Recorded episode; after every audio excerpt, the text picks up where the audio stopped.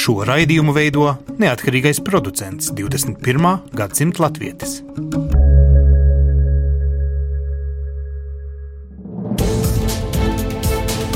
Septiņas dienas Eiropā piedāvā Eiropas radiotīkls Eironet.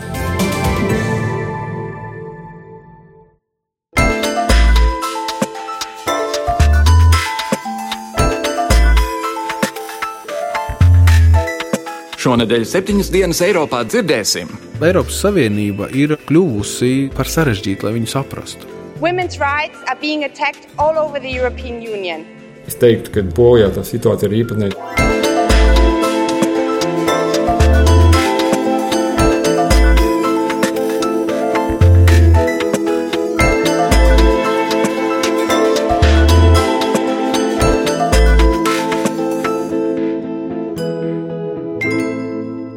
Labdien, godējamie klausītāji! Latvijas radio studijā Kārlis Streips sveicināti jaunākajā septiņas dienas Eiropā.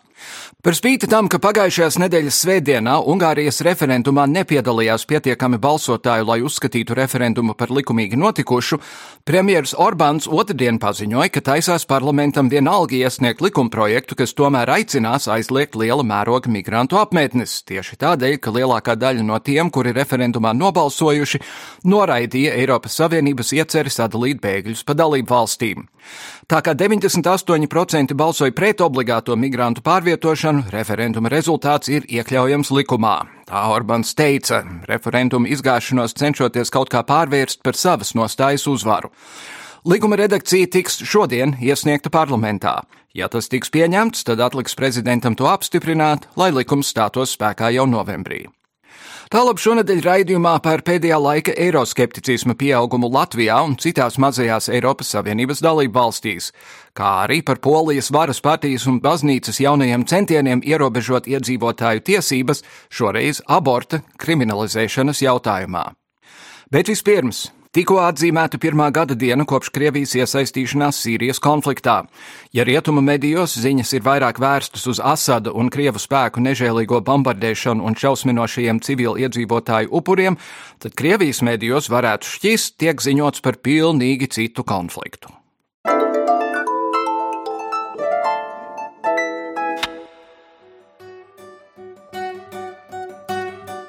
Pagājis gads, kopš Krievija iesaistījās Sīrijas konfliktā, militāri sadarbojoties ar Asada režīmu. Kopš tā laika Rietumvalstu un Krievijas centieni panākt pamieru ir cietuši neveiksmi un nesen radījuši lielāku spriedzi ASV un Krievijas starpā. Kā ziņots, ASV apturēja sarunas ar Krieviju par situāciju Sīrijā, apsūdzot Maskavu pamieru noteikumu neievērošanā, it īpaši par civilo mērķu bombardēšanu. Savukārt Kremlis vaino ASV nespējā nošķirt mērenos dumpiniekus, kas cīnās pret Asada režīmu, no islāmistu teroristiem. Lai arī saprotams, ka abu lielvaru atšķirīgās intereses neveicina konfliktu pārtraukšanu, situāciju tieši ietekmē un apgrūtina abu valstu nesavienojamās informācijas telpas. Kamēr rietuma mēdījos ziņas ir vērstas uz Krievijas veikto Alepo bombardēšanu un šausminošiem civiliedzīvotāju upuriem, Krievijas ziņu aģentūras lepni uzsver savu dalību pilsētas atbrīvošanā no kaujinieku spēkiem un palīdzības piegādāšanu cietušajiem. Krievijas iesaistīšanās gaddienā mēdījos varēja manīt pārdrošus secinājumus par valsts augošo ietekmi pasaulē, kā arī ar vien agresīvāku retoriku pret ASV. Nesenākie Krievijas paziņojumi guvuši teju paranoisku pieskaņu, kā liecina Krievijas aizsardzības ministrijas pārstāvja Igora Konošenkova teiktais официālajā preses брифингā. В ряде авторитетных западных средств массовой информации опубликованы утечки о дискуссиях администрации Белого дома Nesen nopludināti dati rietumu medijos liecina, ka Vašingtona apsver veikt uzlidojumus Sīrijas valdības karaspēku pozīcijām. Kā vēsture pierāda, ka šāda nopludināta informācija varētu pārvērsties konkrētā rīcībā. Vislielākās bažas izraisījusi ziņa, ka šādas provokācijas iniciatori ir CIP un Pentagona pārstāvji, kas septembrī ir konsultējušies ar ASV prezidentu par spēju vadīt Sīrijas opozīciju grupējumu darbību un pat labam lobē par labu tiešākai iesaistē konfliktā. Рекомендовал бы коллегам в Вашингтоне тщательно просчитать возможные последствия реализации подобных планов. Es vēlētos brīdināt kolēģus Vašingtonā, lai viņi rūpīgāk aprēķinātu šādas rīcības sekas. Pat labam Sīrijas armijai ir pieejamas modernas buku raķešu sistēmas. To tehniskās spējas tikušas papildinātas pēdējā gada laikā. Turklāt Krievija ir izvietojusi raķešu sistēmas, kas aizsargātu tās karaspēka Tartusas kara ostā. Šīs raķešu sistēmas varētu būt nepatīkams pārsteigums jebkurai neidentificētai lidmašīnai. Ir iespējams, ka sistēma apkalpei varētu nepietikt laika, lai izrēķinātu šādu lidmašīnu trajektoriju un izcelsmi. Jebkādi uzlidojumi teritorijai, kas atrodas Sīrijas valdības kontrolē, tiks uzskatīts par tiešu draudu Krievijas karaspēkam. Es brīdinu visus, ka kopš 17. septembra, kad ASV vadītās koalīcijas veids uzbrukumu valdības pozīcijām Deiralzorā, mēs spērsim visus nepieciešamos soļus, lai novērstu jebkādus turpmākus amerikāņu misēkļus pret Krievijas karaspēku Sīrijas republikas teritorijā. Российских военнослужащих и военных объектов на территории Сирийской Арабской Республики. Polijā valdošā labēji konservatīvā likums un taisnīgums partija līdz šim balansē uz Eiropas tiesību un likumības robežas tādos jautājumos kā migrācija un demokrātija. Tagad arī pienākusi kārta abortu jautājumam. Desmitiem tūkstošu protestētāju pagājušajā nedēļā izgāja ielās pret katoļu baznīcas pūlēm ar likuma palīdzību pilnībā kriminalizēt teju vai visus abortus Polijā un ieviest likumdošanu, kas šajā ziņā būtu visstingrākā visā Eiropā. Vairāk par polijas sabiedrības un parlamenta līkločiem abortu jautājumā manas kolēģis Ievas Valēnes sižetā.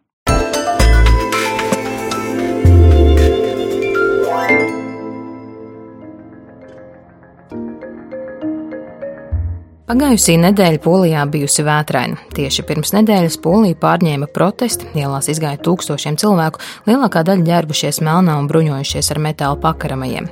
Melnais apģērbs simbolizēja sēras par zaudētām reproduktīvajām tiesībām, savukārt pakaramais par nelegāliem mājās veiktiem abortiem. Ielās protestantu bija tik daudz, ka neskaitāmiem uzņēmumiem un iestādēm nācās palikt slēgtām, jo vienkārši nebija kam strādāt. Likumprojekts, kas cilvēkus izved ielās, ir saistīts ar pilnīgu abortu aizliegumu. Priekšlikums, kas savāca 450 tūkstošu parakstu no tautas, paredzēja ne tikai aizliegt visus abortus, bet arī tos kriminalizēt. Sievietēm, kuras meklētu iespēju izdarīt abortu, un ārstiem, kuri būtu gatavi to veikt, varētu draudēt arī cietumsots. Likumprojekta kritiķi norāda, ka sievietes, kuras piedzīvojušas spontānu abortu, rehabilitācijas vai psiholoģiskās palīdzības vietā varētu saņemt policijas izvaicāšanu par notikušā apstākļiem. Tāpat iespējams, ka ārste varētu atteikties veikt dažādas rutīnas procedūras, kurām ir kaut neliela iespēja izraisīt spontānu abortu. Atskaņas no protestiem bija jūtams gan daudzos medijos, gan arī trešdienas Eiropas parlamenta debatēs. Vācijas deputāte Terija Reintke ne tikai nolasīja poļu sieviešu prasības, bet arī izteica viņām pagodinājumu. I salute these women because what these women need is not Es sveicu šīs sievietes. Šīm sievietēm nevajag likumu, kas liedz viņām tiesības rīkoties ar savu ķermeni. Tas, ko šīm sievietēm vajag, tā ir vienlīdzība, tā ir aizsardzība no vardarbības. Tā ir mūsu visu iesaistīšanās cīņā par viņu tiesībām, laikā, kad sieviešu tiesībām un cilvēku pamattiesībām uzbrūk visur Eiropā. Un es gribu viņām teikt, ka es pateicos par viņu spēku un darbu, cerībām, ko viņas ir ielikušas pēdējos mēnešos un nedēļās, un ka mēs solidaritātē stāvēsim ar viņām. And that we will stand side by side with them in solidarity. Kā norāda Latvijas Universitātes asociētais profesors Artūrs Kučs, polijas vārds jau šobrīd parādās daudzās Eiropas cilvēktiesību tiesas lietās, kas saistīts ar abortiem. Mēs jau šobrīd redzam no Eiropas Savienības tiesas prakses, ka Polijā jau šobrīd ir zinām nenoteiktība mediķu atteikšanās daudzās situācijās. Tur, kur šobrīd likums pieļauj, teiksim, nodrošināt sievietēm pilnvērtīgu informāciju par pieeju, teiksim, abortam un arī Tad, jā, ja šis likums vēl tiks vēl vairāk sašaurināts, protams, ka tas vēl vairāk, es domāju, atturēs ārstniecības personālu informēt un sniegt sievietēm šo pilnvērtīgu informāciju, viņas varētu pieņemt nu, tādu izsvērtu lēmumu par teiksim, šo tiešām grūto, smago lēmumu to, vai turpināt grūtniecību vai pārtraukt. Šobrīd Polijā ir viena no stingrākajiem abortu ierobežojumiem Eiropas Savienībā. Aborti atļauti tikai gadījumos, ja grūtniecība apdraud mātes dzīvību, ja bērns ieņemts izvarošanas vai incesta rezultātā, vai ja bērnam ir nopietnas saslimšanas. Šo likumu pieņēma 90. gadu sākumā, jo tajā laikā ap 100 tūkstoši sieviešu ik gadu Polijā veica abortu. Feministu organizācijas gan norāda, ka reāli abortu skaits nav īpaši samazinājies. Gluži vienkārši sievietes abortus veic vai nu ārzemēs, vai arī pie kaktu doktora doktoriem. Arī gadījumos, kad abortu sieviete Polijā drīkst veikt, bieži ārsti atsakās to darīt morāla vai reliģijas apsvērumu dēļ. Spilgts piemērs ir kādas 14-gadīgas meitenes gadījums Polijas pilsētā Ljubljanā, kuru izskatīja Eiropas cilvēktiesību tiesa. 14-gadīgo meiteni izvaroja un iestājās grūtniecību. Meitene vēlējās veikt abortu, bet par spīti likumam, kas to atļauj un izņēma no prokurora, kas apstiprina, ka bērns ieņemts izvarošanas ceļā, mediķi nesteidzās meitenei sniegt palīdzību. Tā vietā meitene veda pie mācītāja, kuram mediķi iepriekš izpauda informāciju par meitenes stāvokli un arī detaļām par to, kā grūtniecība iestājusies. Informāciju meitenes telefona numurs tika sniegts arī antiabortu kustībām, kas meitenei zvanīja un sūtīja SMS, cenšoties atrunāt no lēmuma. Ljublinā meitenei tā arī abortu neveica. Slimnīca pats sasauca preses konferenci, lai paziņotu, ka to nedarīs un sniedz žurnālistiem informāciju par meitenes stāvokli un izvarošanas faktu.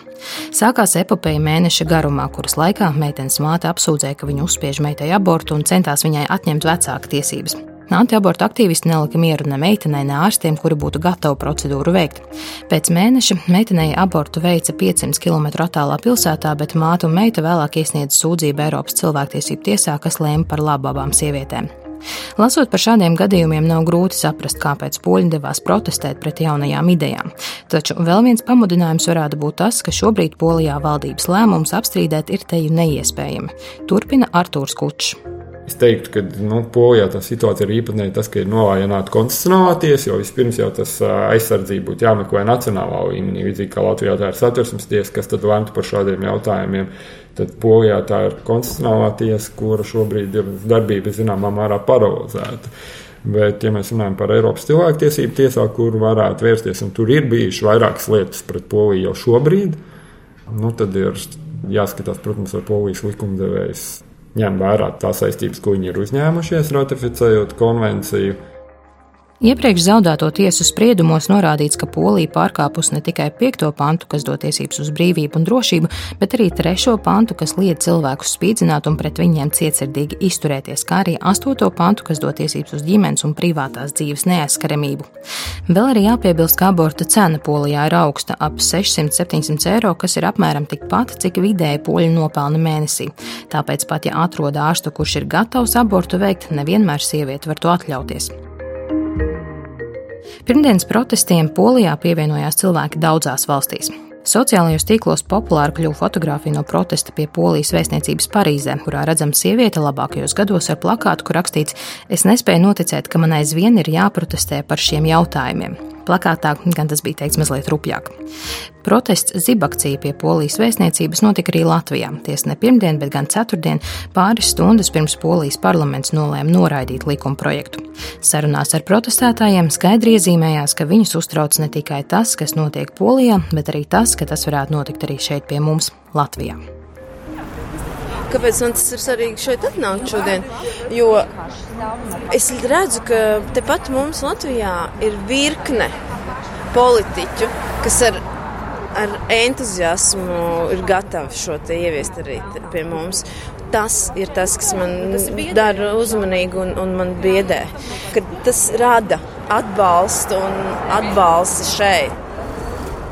Un vēl viens iemesls, kāpēc mēs uzskatām, ka ir svarīgi to rīkot Rīgā, ir tas, ka arī Latvijā ir uh, cilvēki, kas uzskata līdzīgi kā konstruktīvie spēki Polijā. Es negribu atgriezties viduslaikos. Man patīk demokrātija un mūsdienas. Un es domāju, ka vajag iziet ielās un atgādināt cilvēkiem, ka baidieties. Problēmas, ar ko Eiropas Savienība saskaras pēdējā desmitgadē - ekonomiskās un finanšu krīzes, pieaugušais demokrātijas deficīts, starptautiskā terorisma izplatība, arī migrantu krīze un Brexit - ļoti ietekmējis kopējo Eiropas sabiedrības noskaņojumu attiecībā uz dalību savienībā. Pēdējos gados manāms ievērojams eiroskepticisma pieaugums Latvijā un citās mazās Eiropas Savienības dalību valstīs. Ko šāda kopējo vērtību sistēmas apšaubīšana un atbalsta zudums lielās Eiropas projektam varētu nozīmēt Savienības nākotnē? Lai atbildētu, kādu attīstības scenāriju pēc 12 gadiem Eiropas Savienībā saredz Latvija un kāds noskaņojums ir vērojams citās mazās Eiropas Savienības dalību valstīs, studijā šodien Latvijas ārpolitikas institūta direktora vietnieks Kārlis Bukovskis. Labdien! Labdien!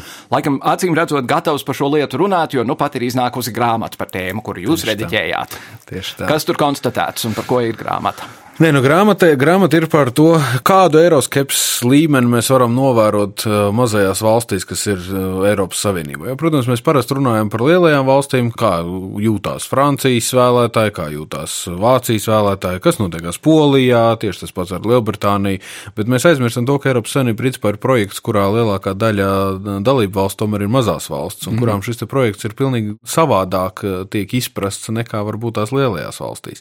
Un mazās valsts, protams, vienmēr ņem šo ģeopolitisko un, un, un drošības un ārpolitikas instrumentārija aspektu daudz vairāk vērā, jo mazās valsts ļoti labi saprot, ka nu, arī Latvijas gadījumā mēs pieņemam lēmumus par jautājumiem, kurus savādāk mēs nekādīgi nevarētu pieņemt. Nu, mums ir šobrīd ietekme uz vienu no lielākajām, prezident, otru lielāko valūtu pasaulē. Un šajā gadījumā, nu, ja mēs nebūtu Eirozonas dalība valsts, tad mums nebūtu ietekme nekāda, bet arī pašā laikā tas, kas mums bija jādod pretī, ir šajā gadījumā mūsu autonomās tiesības tikai un vienīgi lemt pašiem par savu monetāro politiku. Mm -hmm. Un šie aspekti ir, protams, tie, kas uh, lielā mērā ir ietekmējuši to, kādā veidā cilvēki skatās. Ja mēs paskatāmies uz um, nesenajām krīzēm, nesenās laikam jau tūlīt tās būs desmit gadi, kopš Eiropas Savienība ir dažādas krīzes piedzīvojusi. Vai tā būtu suverēno parādu krīze, ko mēs, vai finanšu krīze, kā mēs, kā Grieķijas jautājums un tā tālāk, ko mēs esam risinājuši daudzus gadus, vai tas pats eh, sevišķi jau bēgļu krīze, kur ļoti daudz cilvēku emocionāli pašidentificējās ar jautājumu, vai arī nu, tas pats saucamais Brexits arī ir izraisījis ļoti daudzos cilvēkos pārdomas par to, ka, nu, kā tad ir ar to Eiropas Savienību, nu, vai viņa turpinās eksistēt vai nē. Lai nu, arī pašā Lielbritānijā ir, ir tā teikt, angļu valodā jēdziens buyer's remorse. Tu jā. kaut ko nopērci, un nākamajā dienā tu saproti, ka nevajadzēja. Jā, jā tieši tā. Nu, Lielbritānijā es domāju, ka tas vairāk tā nožēla nāk tiem cilvēkiem, kas vienkārši nepiedalījās uh, balsošanā. Jo, principā, nu, liela daļa cilvēku, kas gribēja palikt, kam likās, ka šis jautājums, nu, kādas muļķības, kāpēc man ir kaut kur jāiet, jādodas, tas tāpat ir izlemts. Viņi vienkārši to neizdarīja, viņi nepiedalījās, un līdz ar to rezultātā viņiem bija jāpamožās 24. jūnija rītā ar domu, ka vai kas ir noticis, kā es tagad dzīvošu tālāk. Mm -hmm. Jo te ir runa par to, ka nu, tā eiroskepse ir ļoti izplatīta starp cilvēkiem, kam nav nekādu personīgo kontaktu vai biznesa partneru vai, vai, vai, vai draugu citās Eiropas Savienības dalību valstīs, kas eh, varbūt tās īsti neceļo, kas principā dzīvo vienā noteiktā, gandrīz varētu tā teikt, fiksētā vietā, un, un viņi neredz nekādu pievienoto vērtību īstai brīvībai, kas ir radusies. Nu, viņi bieži vien arī neredz to pievienoto vērtību tā pašā eiro valūtai. Nu, bija lats, tagad ir eiro, un es jau tāpat viņu tā arī tērēju. Es jau nebraucu uz Lietuvu pirkt mantas. Tie, kas brauc, tie, kas brauc citur, viņi ļoti labi saprot, cik tas ir ērti un cik tas ir lētāk uzreiz, ka nav valūta jāmaina vairāk. Un rezultātā nu, šī, šī ir tā sabiedrības grupa, kas ļoti bieži šīs eiroskeptiskās vēlmes arī pauž, un ka viņa šī neapmierinātība par šo situāciju, viņa ļoti daudz politiķi arī cenšas izmantot viņu uz konkrētajā mirklī. Bet vai no tā izriet, ka tā būtībā ir neinformēta skepse no sērijas neredzēju, bet nepatīk? Es neteiktu, ka tā ir tik daudz, cik neinformēta, jo te, protams, ir jāskatās par to skepsi, jo viens no arī secinājumiem bija tas, ka ir šī eiro, eiro kritika vai eiro realisms, kas parādās par to, ka nu, arī mazajās valstīs mēs redzam, ka nu, pieiet Eiropas Savienībai diezgan racionāli. Nu, kā, kāds tad ir tas ieguvums un ka te nav vienkārši akla paļaušanās uz kaut kādu situāciju vai uz, uz, uz kaut kādai idejai. Principā tas izaicinājums ir bišķi citā lietā, kā Eiropas Savienība, un šis ir viens no eiroskepsis iemesliem un viens no secinājumiem grāmatā par to, ka Eiropas Savienība ir kļuvusi par sarežģītu, lai viņu saprastu. Un līdz ar -hmm. to mēs ļoti bieži redzam to, ka eiroskeptiķi izmantojot ļoti nu, prastus argumentus, prastus izteicienus, kas ir kļūdaini bieži vien un faktoloģiski nepareizi.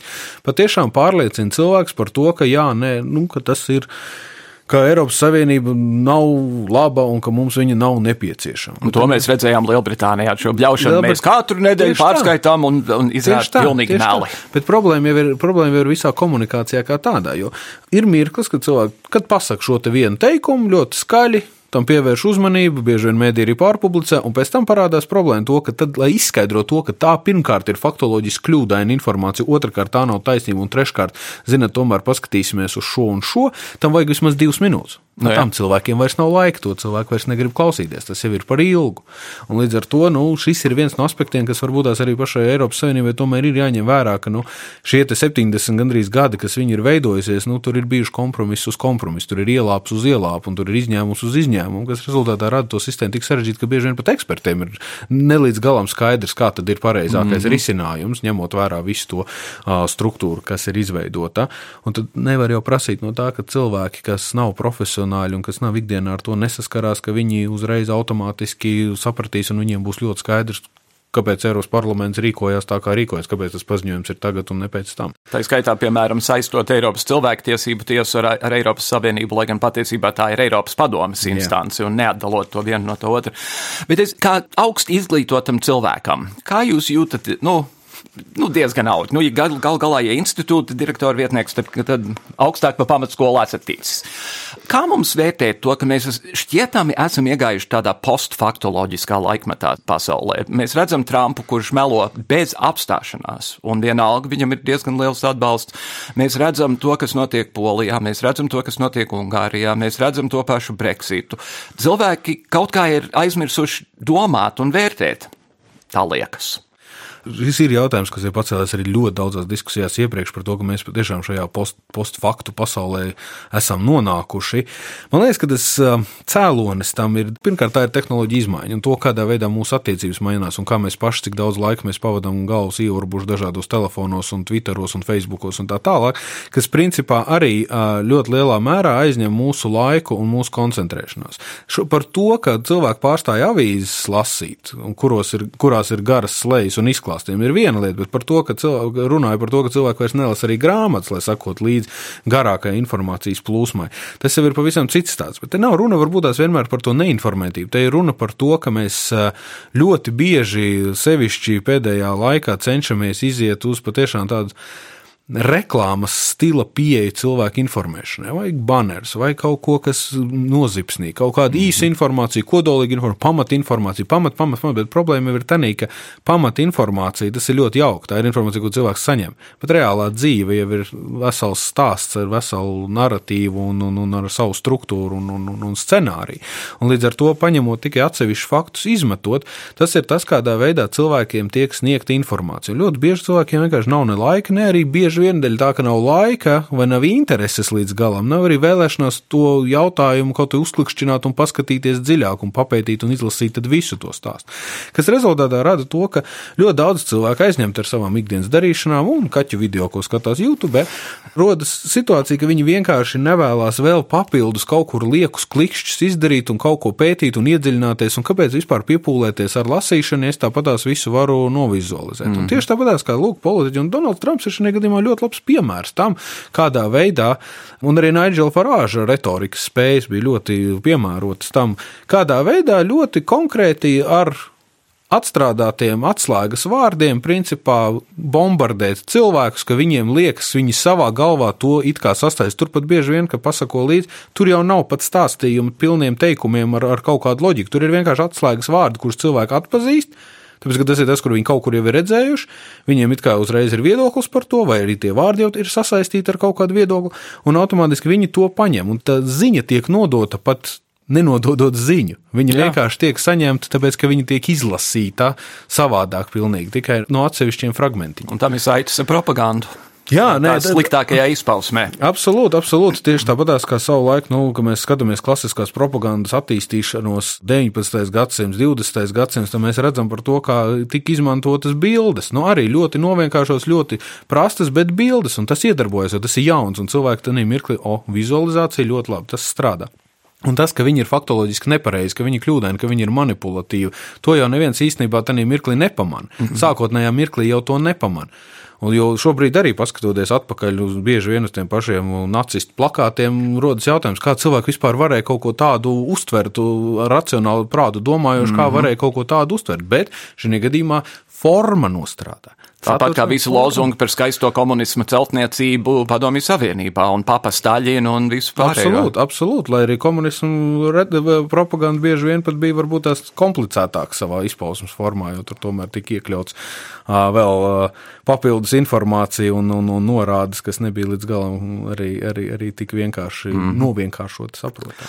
Bet tomēr šis antiintelektuālisms, kas ir šīs būšanas pamatā, vismaz man liekas diezgan šausminošs. Žurnāls Atlantic Monthly, kas ir ir Amerikas politikas žurnāls, eh, pirms pāris dienām paziņoja, ka tikai trešo reizi savā pastāvēšanas laikā, vairāk nekā 150 gadu, viņš ir spiests teikt, par ko vajag balsot Amerikas prezidenta vēlēšanās. Un sakot, ka nevajag balsot par Donaldu Trumpu, tur bija frāze, mēs, mēs uzskatām, ka viņš vispār nelasa. Jā. Un nu, tas ir graujoši. Līdzīgi ka... izdarīt. Nu, te ir jautājums par to, vai šī gadījumā konkrētais prezidenta amata kandidāts patiešām iedziļinās jautājumos līdz galam, par kuriem viņš runāja. Cevišķi tas bieži vien rodas, kad, kad, kad sako līdzi viņa izteikumiem par ārpolitiku. Jo bieži vien tur ir ļoti daudzas kļūdas, un viņam pašam tā pozīcija, viņš jau pat sevišķi neslēp to, cik bieži viņš par vienu un to pašu jautājumu izsakās pilnīgi kardināli pretēji, un katru reizi saka, nē, es nekad neesmu teicis iepriekšējo, mm -hmm. un es jūtos to, ka tur bieži vien pat ir tiešām mēnesis vai vai, vai divu atšķirību tikai tajos izteikumos. Un rezultātā parādās tas, ka nu, vai šī gadījumā lasa vai nelasa. Nu, savā veidā, ja mēs kaut kā esam pārbīdījušies no eiroskepses projām, bet, nu, šajā gadījumā Donalds Trumps ir piemērs tam, ka eiroskepsis tomēr arī viņš atbalstīja Brexit un izteicās, ka tas esot bijis ļoti labs gājiens. Bet tad jau mēs varam redzēt arī to, ka tad, kad bija gatavošanās debatēm, kā tad bija, nu, viens cilvēks, viens kandidāts gatavojās un domā līdzi, otrs tanī pašā laikā spēlē golfu un nekautrējās to tā arī skaidri un gaiši pateikt, ka, mm -hmm. nu, mhm. es iešu uzspēlēšu golfu, man būs viss kārtībā, man nav, nav jāgatavojas. Un tad mēs arī redzam šo te rezultātu, ka debatēs ir viens viens cilvēks, kurš var redzēt, ka ir nu, eksperts un zinošs par jautājumiem, otrs cilvēks, kurš vienkārši ir šovu mēģina veidot. Un, Jā, un, acīm redzot, nesaprot bieži vien jautājumus, pat kas viņam tiek uzdot. Nu, tad atgriezīsimies eiroskepsē. Vai Latvijā vidējais cilvēks zina, ka Latvija šajos 12 gados no Eiropas Savienības ir dabūjusi masīvi daudz vairāk nekā Latvija ir tajā visā projektā ieguldījusi? Šis ir viens no jautājumiem, ko es savā veidā uzdevu arī pasākuma laikā par to, ka, nu, kādā veidā cīnīties ar entajiem mītiem, kas, kas, kas, kas eksistē sabiedrībā. Nu, viena lieta ir cukurfabriks, otra lieta ir tiešmaksājumi. Nē, protams, tiešmaksājumi ir arī faktoloģiskais fakts, nu, tur, tur, tur ir taisnība, bet ir jautājums par to, kā tas ir radies, un te, nu, tomēr nevajadzētu arī reizēm aizmirst, ka arī mēs paši esam piedalījušies visas šīs situācijas radīšanā. Plus vēl tieši tas pats ar tiem tiešmaksājumiem, ka ļoti tas ir ar visu kopējo naudu, kas ir saņemta saņemtu no Eiropas Savienības, ka te ir jautājums par to, vai cilvēki vispār piefiksē, vai viņi padomā līdzi. Tad ir Viens no maniem priekšlikumiem bija, ka varbūt tās ka būtu nepieciešams tomēr vienu dienu visiem laikrakstiem un visiem mēdījiem veltīt nu, vai nu vienu lapu laikrakstiem un vienu, nezinu, stundu visiem mēdījiem veltīt vienkārši, lai izrunātu un painformētu sabiedrību par to, kā tad ir par konkrētajiem faktiem. Un pēc tam, lai neviens vairs nevar teikt, ah, mums neteica, ai, mums nepaskaidroja, ai, nu par to, tad vienmēr varēs pateikt, lūdzu, pašķir atpakaļ uz to un to datumu, paskaties tad un tad un izlas. Un tas ir tas, kā tā situācija ir bijusi. Un ja tev ir kaut kādi faktoloģiski pierādījumi tam, ka tas tā nav, nu tad mēs varam par to diskutēt. Mm -hmm. Un tas arī principā varbūt tas arī ir vienīgais, jo šobrīd atkal, nu, ja mēs ņemam vērā šo te fragmentāro informāciju, kas ir, un cilvēkiem tas ir dabiski, ka tas stereotipizācija notiekās. Un šī mītu uzturēšana, viņi savā veidā uztiek, viņi pat ir interesanti. Ja mēs paskatāmies, cik daudz mītu ir par tiem pašiem pasaules vēsturiskiem līderiem un tā tālāk, un ik pa brīdim vēl kāds izrok ārā kaut ko jaunu par dažne dažādākajiem cilvēkiem, un tad rezultātā parādās jautājums par to, ka, nu, savā veidā tas jau ir izklaidējoši. Cilvēkiem jau patīk kaut kādas tādas lietas, bet nu, bieži vien tas tiek atražots, tas tiek tas klusais telefons nostrādā līdz tādam līmenim, ka cilvēki jau vairs nezina, kas ir īsta patiesība. Mm. Un viņi pat īsti bieži vien tā, ka viņi nezina, un viņi pat negrib īsti tērēt laiku tam doties un meklēt, un kas tad kāda tad ir tā patiesība. Viņi vienkārši atmet ar roku un principā turpina reproducēt tās pašas nezināšanas, tās pašas faktoloģiskās kļūdas, kas bieži vien Un beigu beigās mums ir šī te politiķu, nu, sauksim viņu par paudzi šobrīd, kas izmanto šo te nezināšanu vienkārši un stereotipus un mītus un uh, vienkārši jokus, lai veicinātu pašu savu popularitāti un mēģinot pateikt, ka jā, nu, tā ir taisnība. Mm -hmm. Vai jūs redzat paralēlus Latvijā tādiem cilvēkiem kā Orbāns Ungārijā un Beāte Sīdzart vai Rudzāt un Kačinsku brāļiem? nu, nelaiķis viens brālis, bet Kačinskiem Polijā. Nu, šajā gadījumā, katrā gadījumā jautājums šis tika uzdots arī vakar Naldam Austeram, kas ir eh, grāmatā tieši par, par Latvijas nodaļu autors, un eh, viņš teica, ka nē, īsti, ka nu, tas līdz galam nav novērojams. Arī, protams, Nu, savā veidā es par šo pats runāju jau pirms kāda laiciņa, ka nu, ir atsevišķi politiķi, kas, ja neteiksim, eiroskeptiķi, tad um, eiro, eiro kritiķi vai uh, eiro pat varbūt nihilisti, un, un tādas tendences ir iezīmējušās. Jo, protams, mums nav īsti politiķu, varbūt pat paldies Dievam, ka nav politiķi, kas aicinātu mūs izstāties ārā no Eiropas Savienības, bet uh, tā pašā laikā tādi, kam varbūt tās Orbāna idejas, sevišķi tas, kas attiecās uz liberālu demokratiju vai neliberālu liberālā demokrātija var likties diezgan, diezgan pieņemamas un kas šajā gadījumā var būt daudz kritiskāk. Te ir jautājums par to, ka politiķiem vienmēr ir tendence pozicionēties par jautājumiem, kas sabiedrībā ir aktuāli. Ja tas ir tas, kā viņi pelna savus popularitātes punktus un tiek ievēlēti. Tas, kas notiekās Latvijā nu, ar Eiropas Savienības jautājumiem, nu, mēs reizēm varam, tagad varbūt tās jau mazāk, bet nu, vēl pagājušā gada beigās mēs varējām novērot, ka nu, cevišķi attiecībā uz bēgļu jautājumu tas jautājums bija ļoti polarizēts un bija ļoti mm -hmm. daudz politiķu, kas centās būvēt savas karjeras uz šo te, uz šo te jauno jautājumu. Jo nu, ir atsevišķi politiķi, kam varbūt tas bēgļu jautājums ir aizstājis viņu klasiskos domēnus, kurus viņi tā kā sekoja līdz Latvijas, latviešu un Krievu attiecības. Jā, tā skaitā ar tieši konkrēti bēgļu jautājumā milzīgais tracis par to, ka te ir veseli 12 cilvēki, kas pat labam tiek, tiek apstrādāti tajā problēmā. Un savā veidā, protams, nu, fenomens kāds arī Portugāles nodaļas autori, piemēram, teica, ka Portugālē lielākais jautājums ir, kāpēc cilvēki pie viņiem nebrauc, kāpēc neviens neizvēlās. Nu, vai tad mēs esam tik slikti, ka neviens negrib pie mums braukt? Mm -hmm. Mūsu gadījumā nu, mēs šo reakciju un emociju redzējām tajā mirklī, kad parādījās parādījās jautājums par to, cik daudz varbūt jau ir aizbraukuši projām. Mm -hmm. Un, ka tomēr tas nav īsti patīkami apzināties to, ka nu, tu tomēr neesi tik pievilcīgs, lai, lai, lai, lai, lai cilvēki pat bēgot no kara būtu gatavi tā kā palikt pie tevis. Vai nebraukt pie tevis? Vai nebraukt pie tevis? Toties Portugāla var priecāties, no tās nāks nākamais ANO ģenerālsekretārs. Tā runā. Tā runā. Kārlis Bukovskis, paldies par sarunu. Paldies jums!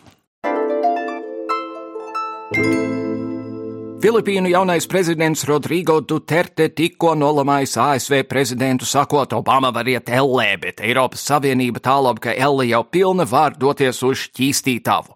Mēs septiņas dienas Eiropā savukārt nevaram vien sagaidīt, vai jaunā Igaunijas prezidente arī nāks klajā ar šādiem spilgtiem izteikumiem. Igaunijas jaunā prezidente Kersti Kaljulaida nav pārāk plaši pazīstama sabiedrībā. Kas ir jaunās valsts galvas stiprās puses un kas varētu mainīties tuvākajos piecos gados, komentē Austrumēropas politikas pētījuma centra valdes priekšsēdētājs Ainārs Lērkis. Man tā šķiet, ka viņi, protams, pildīs tādas pašas funkcijas, kāda paredz Igaunijas konstitūcija un kāda ir pildījuši arī iepriekšējie Igaunijas prezidenti. Es domāju, ka viņai būs nopietns darbs jāpieliek, lai koncentrētos lielā mērā uz iekšpolitiskiem jautājumiem. Viņa ir arī teikusi par to, ka viņa atbalstītu lielāku sociālo vienlīdzību un katrā ziņā iestātos par šādiem jautājumiem. Viņa, protams, kas ir līdz šim mazāk pazīstama, tā skaitā medijiem salīdzinot ar politiķiem, kas piedalījās ilgstošā kā vēlēšanu kampaņā. Nu, tātad līdzīgs gadījums jau savā laikā bija arī Latvijā, kur pēdējā brīdī izvirzīja vairs Vīķis Freibergas kandidatūru un viņi tika ievēlēti. Tādā gadījumā, zināmā mērā, šis uzdevums sevi apliecināt ir uh, dubult uh, sarežģīts. Savā laikā vaira Vīta Freiberga, manuprāt, ļoti sekmīgi tika galā ar šo uzdevumu. Nu, redzēs, kā klāsies Igaunijas jaunajai prezidentei, kurai būs ļoti sevi jāpierāda. Es nedomāju, ka kopumā būs kaut kas krasi atšķirīgs jau Igaunijas prezidenta funkciju pildīšanai. Es domāju, ka ļoti svarīgi būs tas, un tā būs viņas spēcīgā puse, kad viņa ir strādājusi šajās Eiropas struktūrās. Viņai ir arī izpratne biznesa un, un banku jautājumos, finansu jautājumos, menedžmenta jautājumos. Es domāju, ka tas palīdzēs viņai diezgan ātri iejusties un apgūt varbūt tās iemaņas, kas ir nepieciešamas prezidentē. Ar to arī izskan šīs nedēļas septiņas dienas Eiropā. Attiecībā uz abortiem grūti ticēt, ka 21. gadsimtā joprojām tas ir jautājums, pa kuru tiek lausti šķēpi. Tās ir sievietes individuālās tiesības, mīļā, sievietes individuālās tiesības. Līdz nākamnedēļai! Visu labu!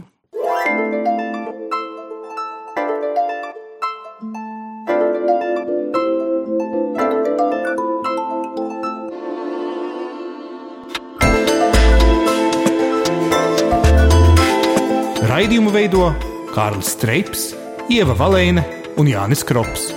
Raidījuma producents Lukas Rozītis.